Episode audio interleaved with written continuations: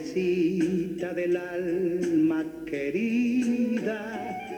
en mi pecho yo llevo una flor. No te importa el color que ella tenga, porque al fin tú eres madre una flor. Les criatures no venen de París amb les cigonyes. En mi vida serás el refugio de todas mis penas y la cuna de amor y verdad. La directora Lola Arias, nascuda a Buenos Aires el 1976, s'ha embrancat amb un espectacle controvertit que provoca defensors radicals i detractors igualment radicals. Com que hi ha una bona dosi d'ideologia de la vida darrere de lengua madre, sempre hi ha qui no accepta que s'ho vagi de rascar, ni que li piqui. Dic això perquè molt a la vora de les meves localitats, el dia de l'estrena, vaig coincidir amb un grup de fans entusiastes que fins i tot corejaven els lemes feministes o a favor de l'avortament, com si es trobessin en una concentració en ple carrer. En canvi, un parell de senyores de bona posició van aguantar estoiques l'hora i tres quarts de l'espectacle i no es van ni immutar quan va ser l'hora d'aplaudir en un gest evident de desacord. Doncs bé, no n'hi ha per tant. No n'hi ha ni per saltar eufòrics, eufòriques, vaja, de la butaca, ni n'hi ha per mantenir-s'hi empotrats, empotrades, vaja, com si t'hi haguessin enganxat amb cola. La directora argentina Lola Arias ha aconseguit el que poques vegades s'aconsegueix en teatre de sala, que hi hagi sol i ombra, com en aquelles places de toros ara i aquí tancades i barrades. Lola Arias parteix d'una dramatúrgia compartida amb Laura Cecília Nicolas, diu ella mateixa en la presentació de Lengua Madre, elaborada després d'una extensa recerca documental feta a la ciutat italiana de Bologna, amb entrevistes amb metges, experts en tractament in vitro, parteres, advocats, antropòlegs, militants feministes, militants antiavortistes, mares lesbianes que lluiten pel reconeixement dels seus fills, mares catòliques que no accepten famílies homoparentals, mares migrants que han deixat infants enrere per cuidar-ne d'altres, mares adolescents sense suport social, mares i pares trans, famílies que van fer gestació per un altre, famílies que van esperar anys per adoptar, dones que van haver de fingir que tenien una parella heterosexual per accedir a tractaments in vitro, dones que van cuidar temporalment infants en trànsit, intersexuals que lluiten per poder engendrar, dones que van decidir no tenir fills. I això és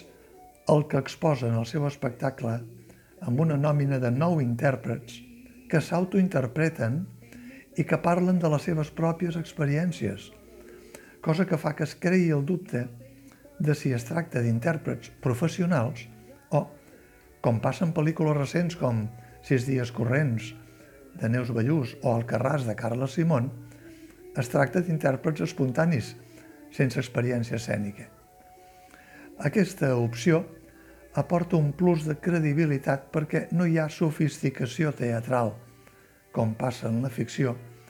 sinó que hi ha naturalitat, espontaneïtat i també un cert grau que respira sinceritat. Si Lengua Madre es representés només com un testimoni documental,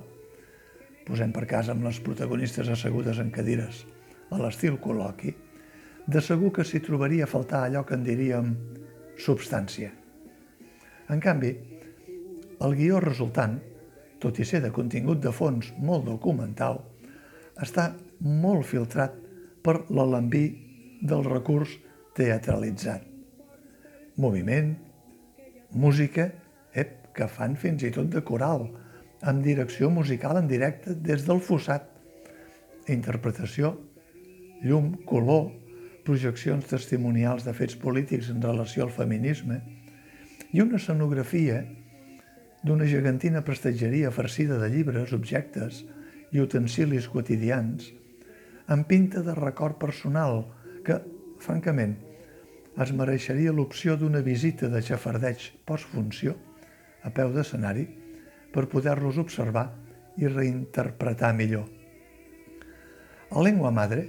queda ben clar que les criatures no venen de París amb les cigonyes. Queda molt clar que cada criatura és un món i cadascuna ha costat un ronyó, però un ronyó de penúries i dificultats personals, compensades després amb allò que diuen ser pare o mare no té comparació amb cap altra cosa al món. Tenir un fill mitjançant òvuls de la parella, invertir estalvis en una llarga i costosa fecundació in vitro, optar mig clandestinament per mort de les lleis de cada país, per la gestació subrogada, tenir un fill des de la condició de trans i sentir-se'n pare, parir casa en un col·lectiu ocupa, ser mare, malgrat formar part d'una família congolesa, aquí treu el cap el racisme, amb una desena de germans, o ser mare, ni que es tingui una professió considerada tan poc femenina com la de fontanera. Aquí apareix el conflicte de la conciliació familiar i les dificultats laborals que són un llast per a la maternitat. Ja he dit que hi ha molta influència ideològica i generacional darrere de Lengua Madre, però també molta denúncia, inclosa d'un temps que ni és encara tan llunyà ni els governs més progressistes de la història han aconseguit erradicar. La de l'educació en escoles dites de monges, la de les traves burocràtiques per incloure en el registre civil un fill de parelles homoparentals o de mares trans, o la de permetre que segons quines regions sanitàries no comptin amb centres abortistes, ja sigui per falta de professionals o perquè els que hi són s'aferren a l'objecció de consciència. La llengua madre de l'Argentina, Lola Arias, parla de tot això amb ironia, que és l'única manera de fer front a les absurditats legals. I el fet que ho faci amb intèrprets que han viscut cadascuna en pròpia pell les experiències que s'hi expliquen, té el seu mèrit, ni que l'exigència teatral en surti aparentment tocada.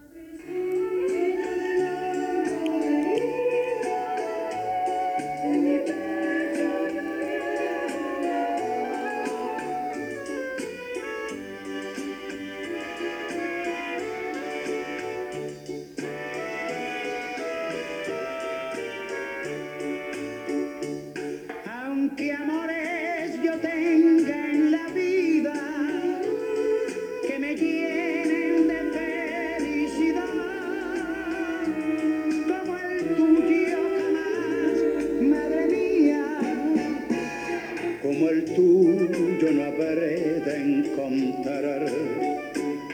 Madrecita del alma querida, en mi pecho yo llevo una flor. No te importa el color que ya tenga,